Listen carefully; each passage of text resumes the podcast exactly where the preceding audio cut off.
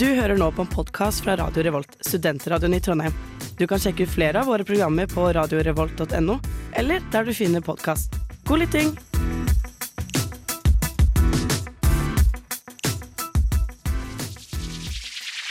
Radio Revolt. Tusen takk. ja, hei. Uh, og ja, som sagt, velkommen til uh, Søndagsfilm med Solaris fra 1972. Det er supergøy at dere har lyst til å komme her og uh, høre på oss prate og se film. Vi er ikke veldig vant med å kunne se uh, publikummet vårt, så dette her er superstas for oss. da. Um, så vi er altså Bokbæren. Vi er da litteraturmagasinet på Radio Revolt. Så um, alt som innebærer litteratur, alt som er skrevet ned, det, det prater vi om, da. Eh, så jeg tenker vi kan jo begynne å introdusere oss selv litt, sånn at dere vet litt hvem vi er. Eh, kanskje nevne litt navn, studier, og så et favorittøyeblikk fra Bokbæren. Vil du, vil du starte? Yes. Jeg heter Magnus. Jeg er 25 år. Jeg studerer til å bli lektor i norsk og historie. Så jeg både snakker om bøker her og i skolesammenheng. Og når det kommer til favorittøyeblikk i Bokbaren, så tenkte jeg å bare få litt sånn snikskryt for en enkel episode. Og så syns jeg den eh, episoden vi hadde om uh, dystopi Det er jo litt sånn pre eh, prega, eller lignende til sci-fi. Den syns jeg var veldig gøy, så sjekk ut den hvis dere får tid til det. Ja.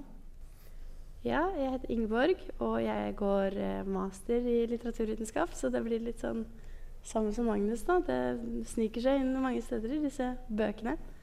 Det er morsomt at du nevner den eh, episoden om dystopi som ditt favorittøyeblikk. Det var den jeg ikke var med på. Um, men uh, Nei, det var, det var, veldig bra. Ja. Uh, mitt favorittøyeblikk Det vet ikke, det var kanskje når vi um, fikk intervjua Tove Nilsen, som er en ganske kjent norsk uh, samtidsforfatter. Og det var skikkelig gøy. Og det var liksom første intervjuet vårt, og det var Masse nerver og kjempegøy. Men da må jeg bare skyte inn at Første intervju var faktisk var med oversetteren av uh, Solaris. Sant. Så sjekk ut den episoden òg, hvis dere uh, mm. bare får skryte om det. Jeg husker ikke hvilken episode det var. Det var Olga Tokarsjok. Olga Tokarsjok, mm. yes. Ja, uh, hei. Jeg heter Helle. Jeg studerer også litteraturvitenskap. Uh, er nå på bachelornivå. og jeg er 24. Ja, jeg er 24. Eh, og min favorittepisode som vi har gjort ever, tror jeg kanskje er Lyrikk-episoden. Selv om jeg var sjuk når den episoden eh, gikk live, så var jeg eh, veldig investert i at det skulle bli en bra episode. Og jeg lå hjemme med ganske høy feber, så jeg tror kanskje jeg husker den bedre enn en den faktisk er. Men jeg begynte i hvert fall å grine. Så Eh, men det er bare mine følelser som eksisterer, da. det er bra reklame for bokfaren her, altså. Eh, jeg heter Marte, er 23 år, og jeg går master i sosiologi. Så jeg er litt sånn motparten til disse litteraturfolkene her, da, på en måte. Uh, jeg koser meg veldig. Vi hadde en episode i høst om uh, Ibsens kvinneskikkelser. Vi snakket med Juni Dahr, så det var veldig gøy. Uh, og så tror jeg òg Jeg må jo nesten nevne Vi hadde en Harry Potter-episode tidligere i semesteret, som òg var utrolig gøy. Um, så vi er altså her for å prate om, uh, hovedsakelig om boken som denne filmen er basert på, som er skrevet av uh, Stanislav Lem. Um, og vi skal ikke avsløre altfor mye av de måte viktige avsluttende delene av boken, så dere skal få nyte filmen. Um, men vi har tenkt oss å snakke litt om uh, strukturen på boken, vi skal snakke litt om noen viktige elementer. Vi må jo selvfølgelig gå gjennom litt samfunnskritikk. Jeg er jo sosiolog. Så, og så tenker vi òg vi må snakke litt om forventningene vi har til um, adopsjon av dette verket.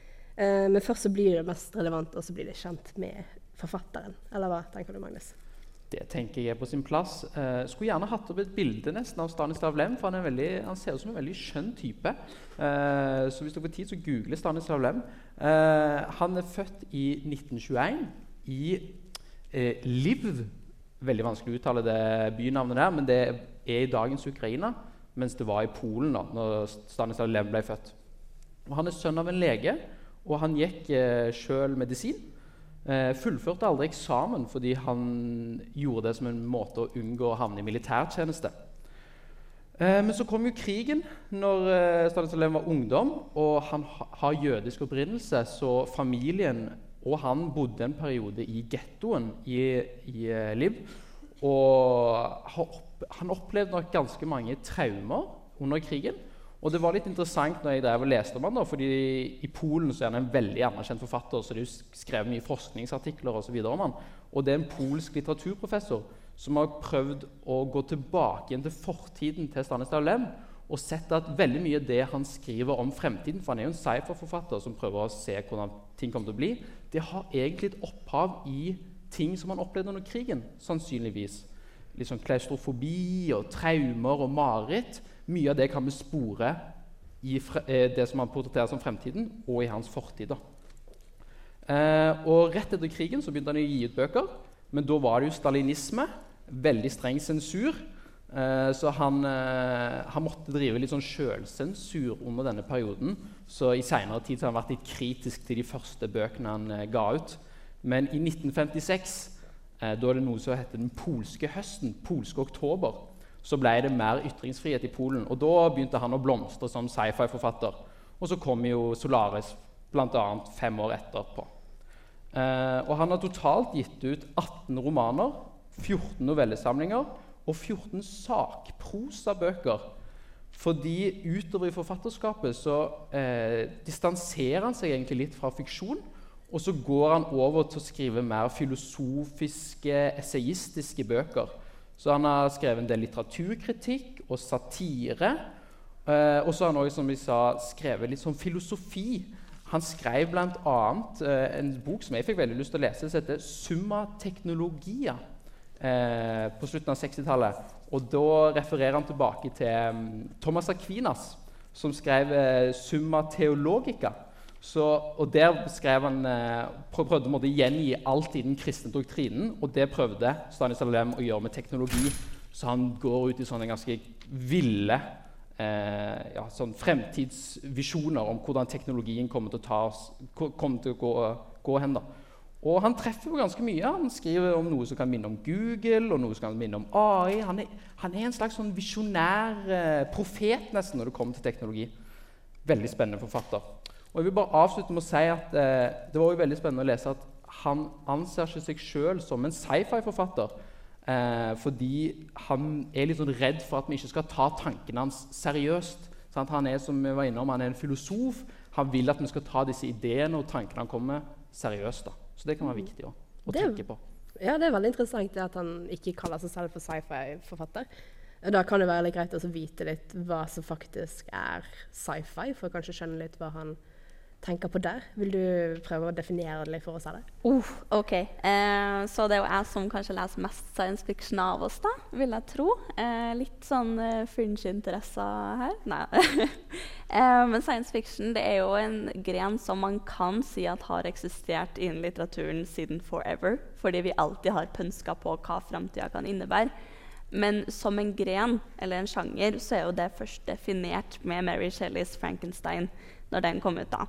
Eh, og da er jo eh, typiske trekk sånn eh, Vi kan se det er en mix-mash av liksom, påvirkning fra viktorianske obsession med døden. Vi har opplysningstidstanker som filosofi og hva framtida kan innebære. Og så klart så er det veldig påvirka av den industrielle revolusjonen. Og det at vi fikk så mye teknologi på så kort tid at framtida virka som den, den er nå. Og det er jo noe som vi virkelig har båret med oss videre inn i denne håpfulle eh, interessen for hva vi kommer til å se. da. Eh, men så klart så er det også veldig mye angst som kommer med denne science fiction-tanken. Folk er litt nervøse for hva fremtida vil innebære, og det ser vi bare enda mer jo mer som skjer nå. I vår tid så er det veldig vanlig å skrive dystopisk science fiction. Eh, så var det jo veldig vanlig på 30-tallet å masseprodusere eh, science fiction i magasiner. Så det ble jo på en måte eh, det blir referert til som the golden age of science fiction, men det ble også da ansett som type lavmannslitteratur. Uh, det er sånn ikke noe høyt ansett. Uh, men det som endra science fiction sitt ståpunkt da, innen samfunnet uh, til noe som kanskje ble tatt mer seriøst, det er jo andre verdenskrig og da særlig atombomba. Eh, når den først ble sluppet i Hiroshima og eh, Nagasaki. Eh, eh, og det er jo sånn, etter det så ble man jo veldig mye mer bekymra for hva som kan skje med den teknologien vi har. Hvorfor skal vi gjøre det? Eh, og eh, da kommer vi til 50- og 60-tallet, som betegnes som den andre bølgen til science fiction. Eh, og da har vi også en splitt i sjangeren. Hvor at vi har eh, den håpefulle science fiction. Den eksisterte fortsatt og ble publisert mange bøker som liksom var med sånn håpet for romferden. For det er jo rundt her at vi begynner å se romkappløpet ta seg opp mellom USA og Sovjetunionen. Eh, men vi har også en utvikling av dystopisk science fiction som et mye mer sånn anerkjent gren. da. Og der har vi jo f.eks. George Orwell som en av de mest kjente science fiction-forfatterne. Men vi har også sånn utforsknings-science eh, fiction som Dune og A Wrinkle of Time og sånne ting. Eh, og så klart eh, Solaris er jo en litt spesiell bok når det kommer til science fiction. For det har alltid vært en gren som liker å undersøke liksom, hva er det som gjør mennesket til det vi er. Filosofi og sånne ting.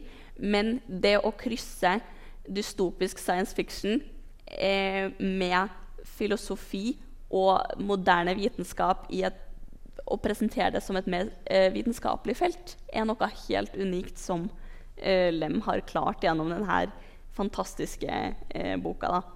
Um, skal jeg se om jeg har skrevet ned noe, noe, lurt her? jo. Uh, Solaris er da på en måte en kryss mellom de her to skillene i science fiction-grena. Den er en First Contact-roman uh, som også byr mer på hva mennesket har å tenke om verden, enn hva vi tror at verden er, mm. egentlig. Det at, uh, måte, Hvis vi snakker om den arven fra 30-tallet med liksom, sci-fi som kiosklitteratur, tror jeg måte, at det kan ha noe med eh, Stanislav Lem sin ønske om å skille seg litt fra det? Hva tenker du, Magnus? At han gikk og kjøpte det i kiosker? Det er godt mulig. Eh, jeg har ikke peiling, egentlig. Men eh, jeg syns det var litt interessant, som du nevnte, heller, at uh, Stanislav Lem gjør noe nytt i sci-fi-sjangeren. Og sånn som du sa, du er den som leser mest sci-fi, og jeg, sikkert mange kanskje andre som kjenner på en slags sånn reservert eh, holdning til å gå inn i sci-fi. Det er liksom litt fremmed, iallfall for meg. Men dette er jo sci-fi, men det er realistisk sci-fi. Det er liksom ikke totalt ute der. Det er liksom ganske sånn normale, hverdagslige rammer, bare plassert ut i framtiden og liksom en helt annen galakse. Men følelsen i boken er ganske sånn sosialrealisme, nesten. sant? Eh, det syns jeg er spennende hvordan sci-fi det, kan være så, det kan være så mye. Det kan være så mye forskjellig. Ja, det brukes jo ofte for å reflektere nettopp I hvert fall nå i dag så brukes science fiction veldig mye for å reflektere sida av menneskeheten som vi kanskje ikke får utforska så mye i hverdagen vår som vi hadde håpa. Mm. Og det er nok noe som har kommet med arven til eh, Stanislav Lemo Solaris da, som en banebrytende bok. Vi tenker litt på det der i forhold til at det blir sett på som trivial litteratur. Da. Det føler jeg er et litt sånn preg som henger igjen i, i det måten man ser på sci-fi, og særlig for, innenfor akademia, kanskje. Det begynner jo å endre seg litt. Og jeg føler kanskje sci-fi har kommet lenger enn f.eks. fantasy-sjangeren. Der da, i å bli anerkjent. Men så har du på en måte det skillet med som forfattere som George Orwell og Stanislav Lem som kanskje nettopp tar inn det her mer samfunnsrealistiske preget. Og sikkert masse også som eh, du vet navnet på heller, men som jeg ikke har undersøkt. Men som tar inn ja, eh, realhistoriske ting som gjør at det blir en mye mer sånn seriøs sjanger som man faktisk kan ta litt mer på alvor, og kanskje da kommer ut til et eh, større publikum som eh, ser på det som eh, faktisk litt eh, opphøyd litteratur. Da. At, ikke, at, det har tatt et steg ut av det her kiosklitteratur stempelet, i hvert fall i noen retninger. Mm. Det er jo, jeg vil absolutt si at dette er en bok som gjør at sci-fi-sjangeren på en måte blir mer seriøs. For det er jo en bok som går ut i sånne lange triader om måte, det vitenskapelige rundt um, Solaris, som denne her planeten som du søker. Men du kan jo gjerne fortelle litt mer om boken generelt, da. Ja, fordi hvis dere ikke har lest boka, så skjønner dere jo ikke en dritt av hva vi snakker om akkurat nå. Fordi det er en kjempekomplisert bok Um, og jeg har prøvd å gi et lite synopsis, da, liten, et lite handlingsreferat her. Men um, ja Om det er helt dekkende, det, det vet jeg ikke. Men uh, jeg har prøvd så godt jeg kan å samle alle de 100 løse trådene i denne boka her. Og um, gi dere litt forståelse uten å prøve å spoile filmen. Um, ja, handlingen i Solaris den utspiller seg i en uspesifisert framtid. Uh, hvor en gruppe forskere har reist ut til eh, en romstasjon eh, for å uh, forske på den mystiske planeten Solaris. Derav navnet på boka. Og Solaris er spesiell på mange måter, men bl.a. så går den i bane rundt to soler. og det er også et veldig mystisk hav som dekker store, store deler av planeten. Og romanen åpner med at hovedpersonen vår, Chris Kelvin, psykolog fra jorden, reiser til Solaris. Eh, og han kommer da for å forske spesifikt på dette mystiske havet. Eh, og Solaris har fått en helt egen vitenskapelig gren eh, som heter solaristikk.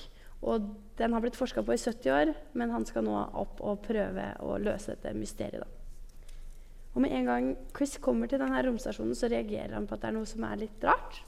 Um, han ene uh, kybernetikeren som er på stasjonen, Snout, uh, er veldig aggressiv og paranoid og oppfører seg kjemperart idet Chris kommer til romstasjonen.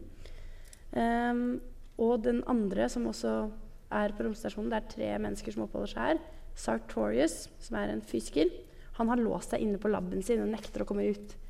Eh, og mannen da, som Chris har reist opp hit for å møte, hans sjef, som har bedt han om å komme og forske på havet, eh, eh, Gabarian, han er død. Han har begått selvmord fire dager før vår hovedperson ankommer. Så her er det noe rart som, som skjer, og det er noe som skurrer. Eh, og det viser seg ganske raskt at det som eh, ikke er helt som det skal da, på denne romstasjonen, det er at besetningen ikke er alene. Så det er flere enn disse tre forskerne som er der. De har besøk av menneskelignende skapninger som blir kalt uh, gjester i boka. Um, og disse gjestene det er på en måte fysiske materialiseringer av forskerne sin underbevissthet eller sine minner. Um, og man mistenker da at dette er dette mystiske havet som kan materialisere uh, disse skikkelsene. Og for Kelvin, da, hovedpersonen vår, så er det hans avdøde kone, Haray. Skjønner at det blir mange navn og sånn å henge med på nå, men hold ut med meg. Um, som manifesterer seg. Og hun er egentlig en naturtro kopi utseendemessig og alt sånn, men det er et eller annet som er litt annerledes og noe som mangler. I bevisstheten hennes så har hun ingen minner om på en måte hva som skjedde i hennes siste tid på jorda, hvor hun hadde en veldig tragisk skjebne. Da. Hun eh, tok selvmord, som Kelvin, eh, mannen hennes, føler seg veldig skyldig i. Og så har hun også egenskaper som er umenneskelige. Hun er supersterk, og hun kan ikke bli såra, f.eks.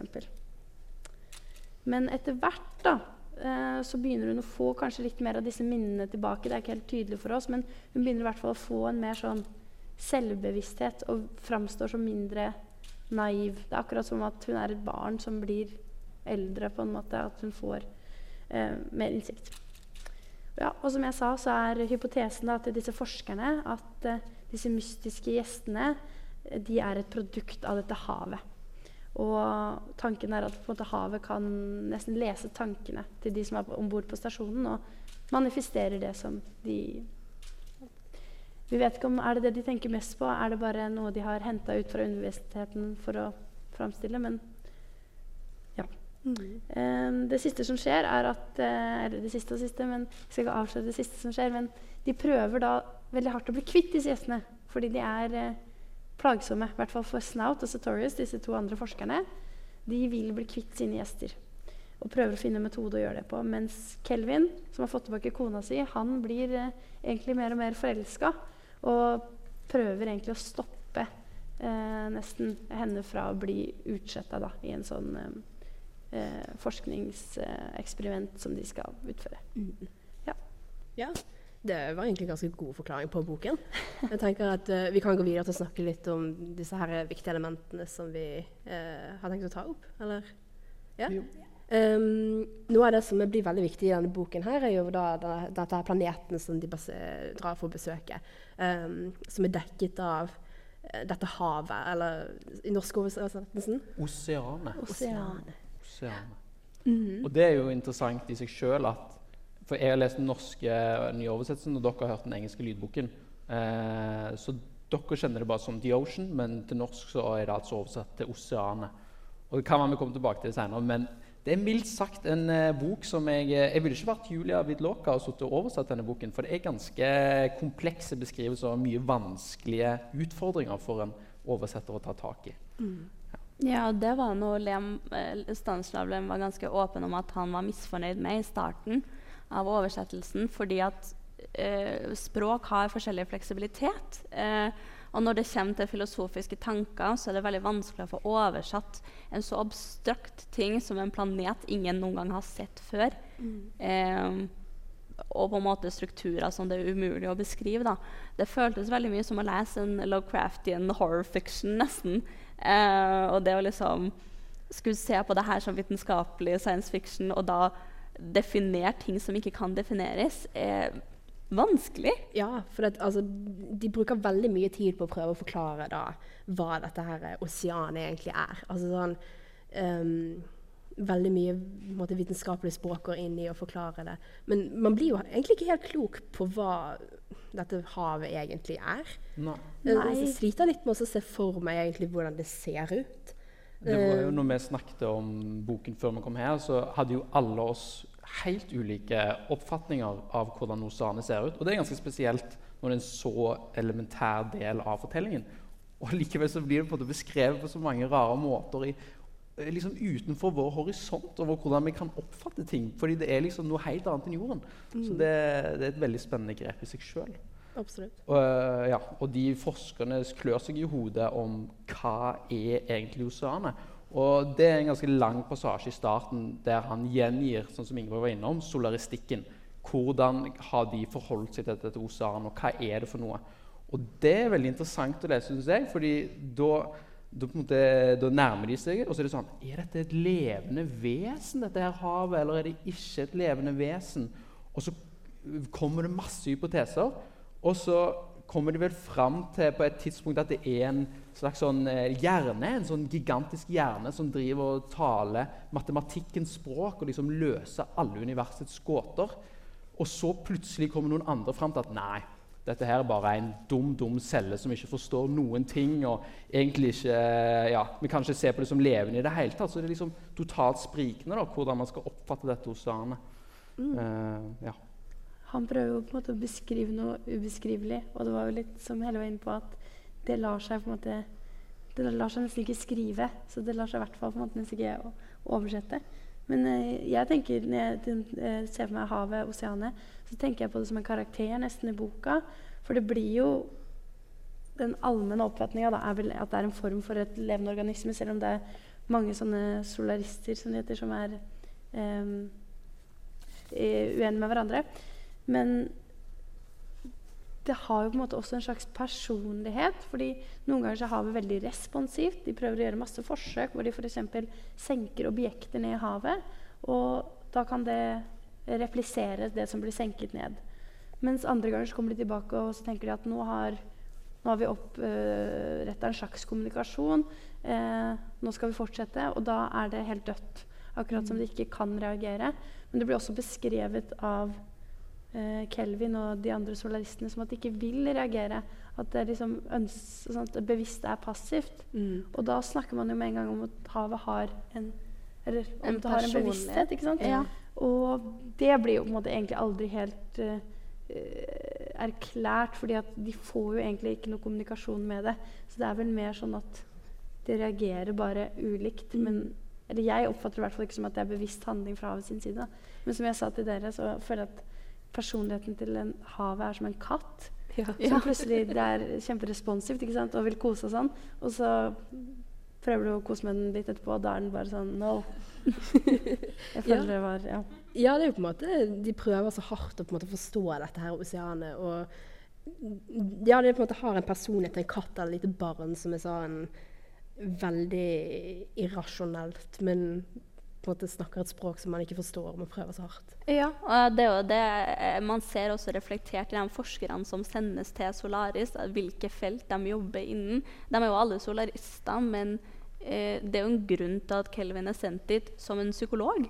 Mm. Det, altså, han forsker jo på menneskelige oppfatninger av kommunikasjon, men vi vet jo ikke hvordan man kommuniserer med noe vi aldri har snakka med før. Det var kanskje der det Ja, og så er det sånn som du sier at det utvikler seg veldig mange greiner da, for å prøve å forstå hva dette, hva dette er for noe. Og da er det et interessant eh, sitat i boken synes jeg, som er litt det samme med hvordan vi, vårt forhold til naturen er. Og det er hele tiden en parallell her. da, Er, er dette oseanet en allegori for vårt forhold til naturen? Fordi da står det Hvordan skal dere klare å kommunisere med oseanet når dere ikke lenger er i stand til å kommunisere med hverandre? Fordi det er så partikulært. Sant? Det er så spesifikt. Det er liksom noen som holder på med psykologi, noen med biologi, noen med kybernetikk. De klarer liksom ikke å forstå hverandre i det hele tatt. De klarer ikke å kommunisere med havet fordi det er så spesifikt. Og det er jo litt det samme som jeg holder på med i stor grad her oppe på Gløshaugen, kanskje. Eh, men, eh, men bare for, jeg tenkte jeg kunne ta et eksempel og lese litt fra boken, sånn at dere forstår hvorfor dette er så uforståelig. hvorfor vi kommer tilbake til dette. Eh, og I dette havet da, så dannes det noen sånne formasjoner innimellom. Og liksom En av de største det heter mimoide. Så skal jeg bare lese hvordan en mimoide er for noe. Betegnelsen mimoide var et forsøk på å gjengi det mest eiendommelige ved formasjonen, nemlig en tendens til å imitere omkringliggende former, både fjerne og nære. En dag kommer en bred, mørk sirkel til syne dypt under havspeilet. Randen er frynsete, og overflaten er dekket av noe som minner om skjære. Etter 10-15 timer deler den seg raskt opp i flak, samtidig som den skyter opp mot overflaten. En tilskuer ville ha sverget på å ha vært vitne til en voldsom kamp. Fra hele omegnen trekker endeløse rekker av synkrone ringbølger lik krympende munner, levende, muskuløse kratre som reiser seg over den ustadige, svarte formasjonen før de raser ned. Ethvert ras er på hundretusenvis av tonn og ledsages av et, av et flere sekunder langt slafsete, nærmest skulpende brak. For her foregår alt i en monstrøs skala.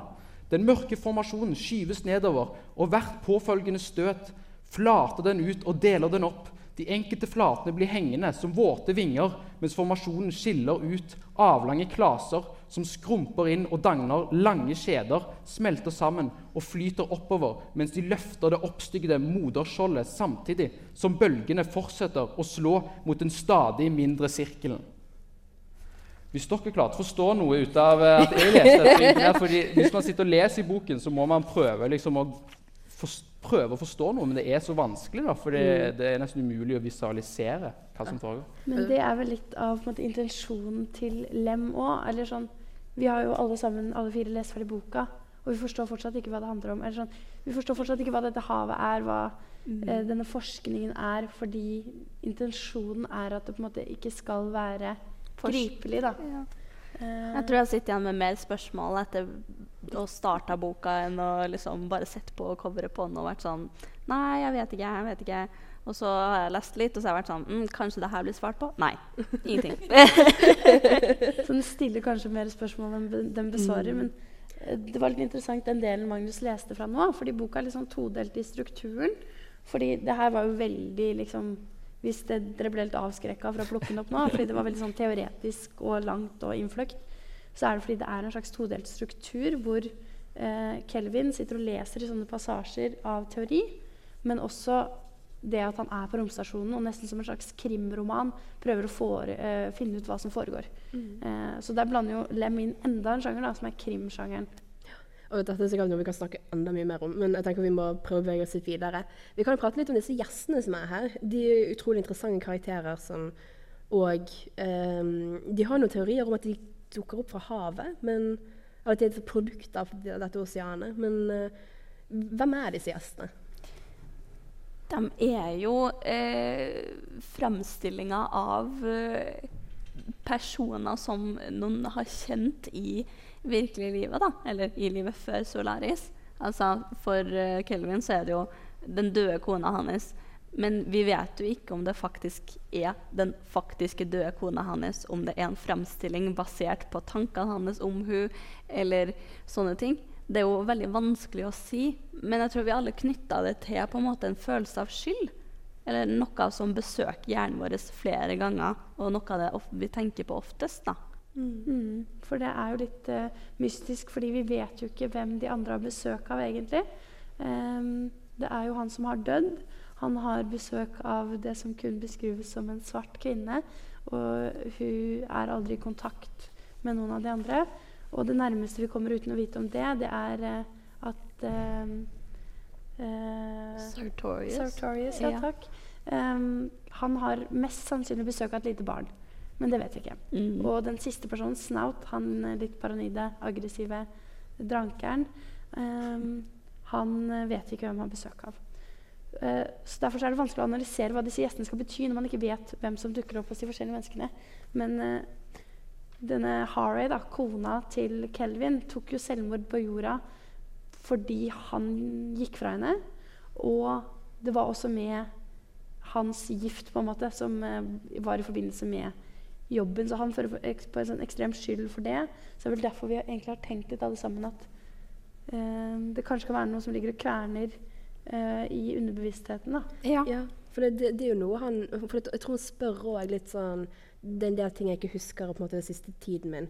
Kan du fortelle det? Og han er litt sånn mm, Jeg vet ikke om jeg har lyst til å på en måte dele det. Jeg vet ikke hvor godt det på en måte kommer frem. Så det er jo noe han går rundt og så kverner mye på. Det, men det er jo ikke godt å si hva, om det er skyld som faktisk er ja. grunnlaget for det. Altså, jeg trodde først når jeg leste her at det var en del av seksuell eh, fantasi.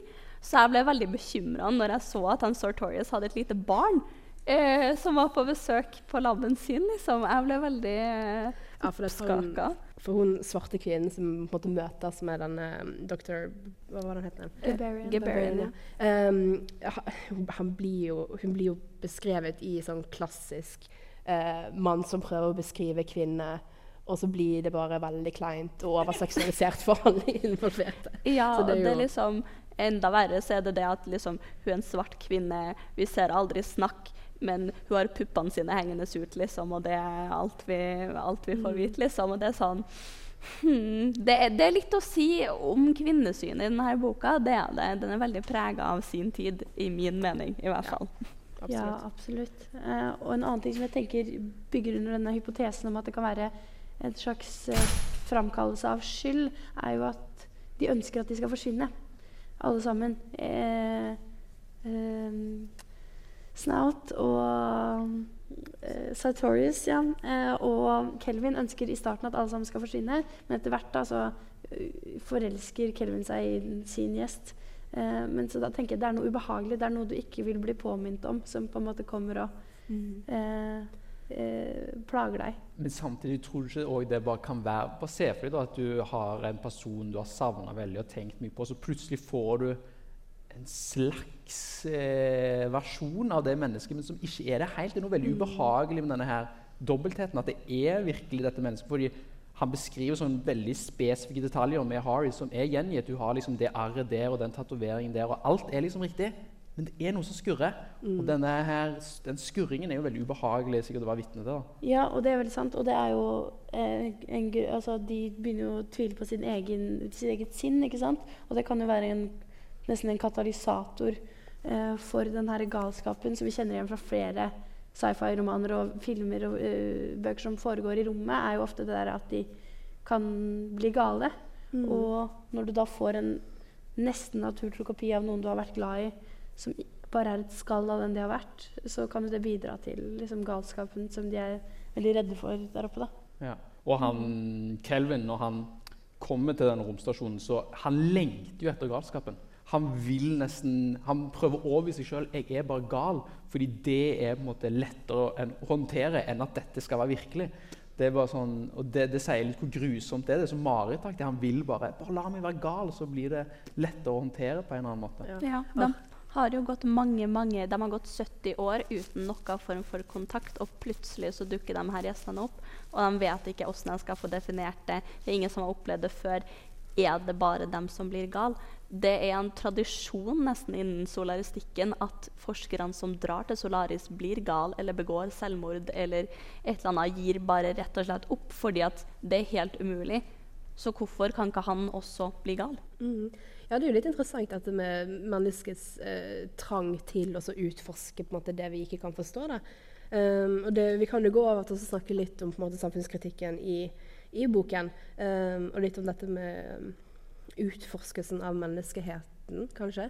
Har dere noen tanker om hvordan det kommer fram i, i boken? Ja, jeg kan jo jeg kan lese et uh, utdrag yeah. som jeg syns var ganske spennende. Fordi eh, det, det er paralleller til naturen her, men så òg til kolonialisme og måten vi iallfall i i Vesten har behandla andre deler av verden historisk. Og nå er liksom dette blitt flytta opp til en sånn galaktisk skala, da, så vi driver sånn kolonialisme i verdensrommet. Og da står det da Vi reiser ut i verdensrommet og er forberedt på alt. Vil si ensomhet, strev, selvoppofrelse og død. Av ydmykhet unngår vi å si det høyt, men av og til tenker vi på hvor overlegne vi er. Vi ønsker imidlertid ikke å erobre universet, bare utvide jorden til universets grenser. Vi er edle og humanitære. Vi har ikke lyst til å underlegge oss andre raser, bare vise dem våre verdier og tilegne oss deres kulturarv. Vi anser oss som riddere av den hellige kontakt. Det er også en løgn. Vi leter bare etter mennesker. Ja. Det er jo en sånn kritikk som ligger der hele tiden. At vi er så enormt sjølsentrerte. Vi klarer ikke å forstå noe utenfor egentlig liksom, den lille menneskelige horisonten vi har. da. Det er litt interessant, for jeg tror videre i akkurat det du leser der, så sier de et eller annet sånn at vi trenger ikke andre verdener, vi trenger ikke nye planeter, vi trenger et speil.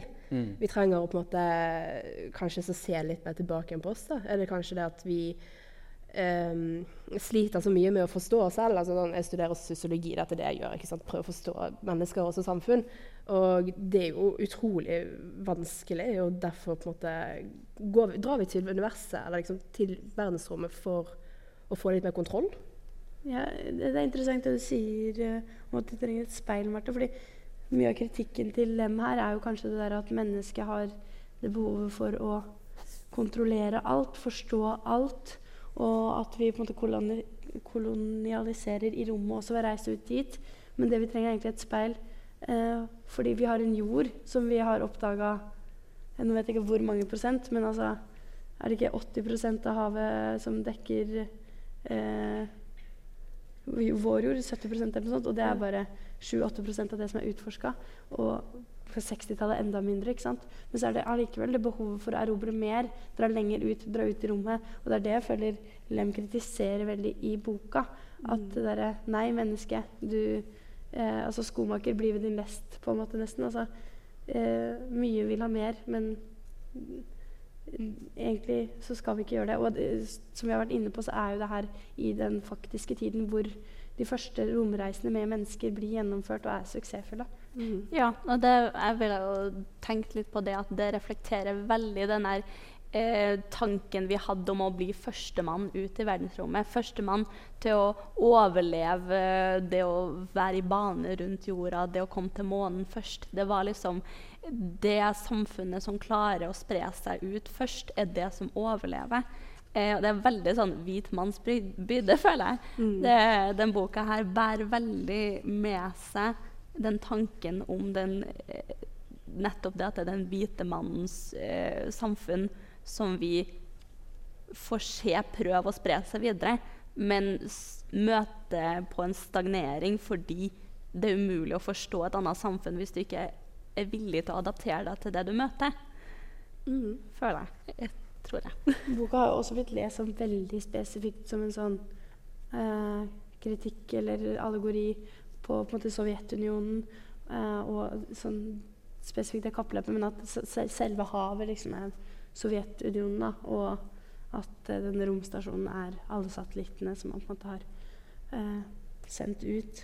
Men en annen lesning som jeg tenkte litt på når det der, som jeg også fant eh, når jeg drev og researcha det, men som jeg også tenkte på når mennesker har sånn behov for å forstå noe som er større enn seg selv, og kontrollere det, er jo religion. Og jeg vet ikke om det er en slags religionskritikk fra Lem her. Det er en veldig interessant passasje mot slutten hvor de diskuterer hva, hva, hva Gud er. Og Kelvin har vel en tanke om en sånn uh, utilstrekkelig Gud. Mm. Uh, og jeg har tenkt på at på en måte, Solaris og den planeten kanskje kan representere det. da, Og at det der behovet for å forstå det er noe vi alltid har hatt opp mot religion. Eh, alle vil vite hvordan Gud ser ut, og vi tror han er en hvit, gammel mann, liksom, men vi vet jo på en måte ikke det. Og samtidig så er det noe individuelt for alle mennesker som har et forhold til det òg. Så jeg har følt at det kanskje kunne vært sånn Men jeg vet ikke om det er vil betegnes som religionskritikk akkurat. Men kanskje det er, kritikken er at vi har et behov for å konfirmere, konformere det og forstå det. Mm. Det er det Lem på en måte ber oss om ikke å gjøre. da. Ja. Ja. For den saks skyld så er økokritiske lesninger også veldig veldig vanlig av denne boka. Ja, fordi det, det, bare, det var en, en annen sending vi hadde som snakket om dette. at eh, en, en veldig synes jeg, eh, sterk setning er 'natur opphører i natur'. Altså liksom en gang vi prøver å sette ord på alt som skjer i naturen, så opphører det egentlig fordi det er så komplekst. Det er liksom utenfor vår horisont. Og det er akkurat det samme han, han har nesten akkurat samme setning her. At liksom Mennesker klarer bare å forstå så og så mye, men det er så mange sammenhenger liksom oppe i emte at vi ikke klarer å forstå det. Men allikevel så prøver vi. Og det liksom bryter da, det blir feil rett og slett å gjøre det. Mm. Det er også en mulig lesning av på en måte, de her gjestene også. Det at eh, eh, naturen prøver å adoptere seg til omgivelsene sine. Så det at plutselig at det kommer en invaderende art til denne planeten, eh, og den da skaper kopier av dem, er det da forsøka fra planeten å beskytte seg selv? Vi vet ikke. Ja. Det er jo noe som er kanskje det mest interessante med eh, romfart og tanken på eksisterer det liv ute i universet. Det er jo litt sånn Hva slags type liv eksisterer der? Er det intelligent liv? Er det noe som kan på en måte minne oss, minne oss om oss? Um, men jeg tror på en måte det mest måte, trasige realiteten i det er kanskje at eksisterer det intelligent liv? Hvorfor har ikke de tatt kontakt med oss? Er, det sånn, er ikke de interessert i oss? Og det er kanskje litt det med havet òg. Altså, vi vi vil ikke ha dere her. Dere er ikke på en måte interessante, så så enkelt vi kan kopiere dere. Mm. Ja, eller det er er ikke trist. behov for sameksistens, egentlig. Vi, vi har egentlig ikke et behov for kommunikasjon eller forstå hverandre. Eh, Ja. jorda har nok med seg selv. på en måte Menneskeheten har nok med seg selv. Nå får jeg angst her. Eh, Ah, det er veldig trist, for eh, tiden løper litt fra oss nå. Eh, så jeg tenker vi kan veldig raskt snakke litt om adopsjonen. Det er det vi rekker, tror jeg. Um, så da lurer jeg på, er det noe dere Hva, hva tenker vi er, hva blir vanskelig å få på læret tilbake? Nå? Altså, nå? Det er jo sånn som jeg var innom disse her beskrivelsene av den planeten. Jeg, jeg, jeg, med en gang jeg leste, så sånn Hvordan i alle dager skal man klare å få dette på film? Og det er jeg veldig spent på å se. Hvordan dette her oseanet er framstilt, og alt som skjer der. Og, det, det gleder jeg meg til å se. Ja, jeg er enig i det. Hvordan det oseanet, Skjærshavet, eh, blir eh, framstilt. Og i boka så er det masse beskrivelser av det, men det er en sånn eh, geléaktig masse som har litt forskjellige farger, tror jeg. Noen ganger er det blått, og noen ganger rødt. Det kan hende jeg bare har misforstått litt. Men eh, veldig spent på hvordan det blir framstilt. Men også det er så sykt mye informasjon som blir fortalt hele tida i den boka her, som er en del av verdensbygginga. ikke sant? Og jeg lurer på hvordan de får til det i filmen. Er det en voiceover? Eh, jeg tror ikke det er det, på en måte. men samtidig så er det sånn, hvordan skal du få fram den informasjonen som kun er mulig på en måte ved en første- eller tredjepersons forteller? da. Ja. Jeg er veldig interessert i når det kommer til forskningsfeltene, fordi at det er såpass akademisk tilnærming til på en måte det er solaristikken. Veldig, veldig interessant. Eh, også I tillegg så er jeg interessert i å se hva de gjør med Kelvin som en hovedperson. For helt ærlig syns jeg han var ganske kjedelig. Ja, jeg er egentlig veldig enig med alle dere. Jeg er veldig spent på å se hvordan havet ser ut. Hvordan vi skal på en måte få alt det vitenskapelige ned. Um, og så gleder jeg meg veldig til å se forholdet mellom Harry og uh, Kelvin. Jeg syns det var veldig spennende i boken, så jeg tror det blir gøy å se. Det blir veldig spennende å se om filmen uh, som kom elleve år etterpå, har uh, fått båret preg av andrebølgefeminismen og ting som begynner å virke litt Så kanskje det er et litt annen kvinneframstilling i Ja. filmen enn i boka. Det blir spennende. Det hadde vært fint. Åh, vi skulle gjerne snakket veldig mye mer om dette, men eh, vi har lyst til å gi dere en liten pause før filmen starter. Så jeg vil gjerne takke alle sammen som kom for å høre på. Det er veldig stas. Skal, skal, jeg, skal jeg avslutte med et sitat fra boken? Så Ah, det er passende? Det må du gjerne gjøre. Vi blir nok ikke klokere på oseanet, men kanskje vi lærer noe om oss selv. Det tror jeg kanskje tenker kan være passende siste ord, fordi det gjorde iallfall jeg av boken, og det håper jeg vi gjør av denne filmen. Så vi vil gjerne takke igjen alle sammen for å komme. Vi vil gjerne takke eh, Studentersamfunnets filmklubb og i den grad eh, Kulturutvalget. Eh, spesielt takk til Anna, som har vært veldig stor hjelp til oss. Eh, tusen takk til FK, VK, eh, MG, Fotogjengen. Eh, si, vi lager radio hver søndag fra fire til åtte. Nei, fire til seks. Det er bare å høre på. Vi er på DAB og radiorevolt.no. Vi lager også podkast. Og hvis dere vil høre oss være mer forvirra over Solaris, så tenker vi å ha sending om det til neste uke. Da blir det en sci-fi deluxe-sending, så da er det bare å glede seg til det. Um, ja, så da tar vi en liten pause frem til klokken syv. Da rulles det film. Og så igjen tusen takk for at dere kom.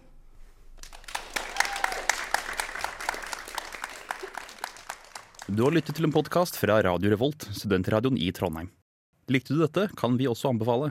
Vi avbryter sendingen for å meddele at Lytt på nytt er et aktualitetsprogram som utforsker de viktigste nyhetssakene med en students skråblikk. Parti og parti. Hun vel ha hvor Erna Solberg så casually maler en benk når NRK kommer. 'Å, jeg bare malte denne benken her.' Ha, der var du. Men jeg vil bare ha siste ordet her. Jeg sier bare Pepsi Max og sigg. De sangene roer seg ekstremt når eksamensperioden begynner å komme. Selv på Møllenberg. Hvor det, Hvor eksamensperioden ikke eksisterer. nei, ja.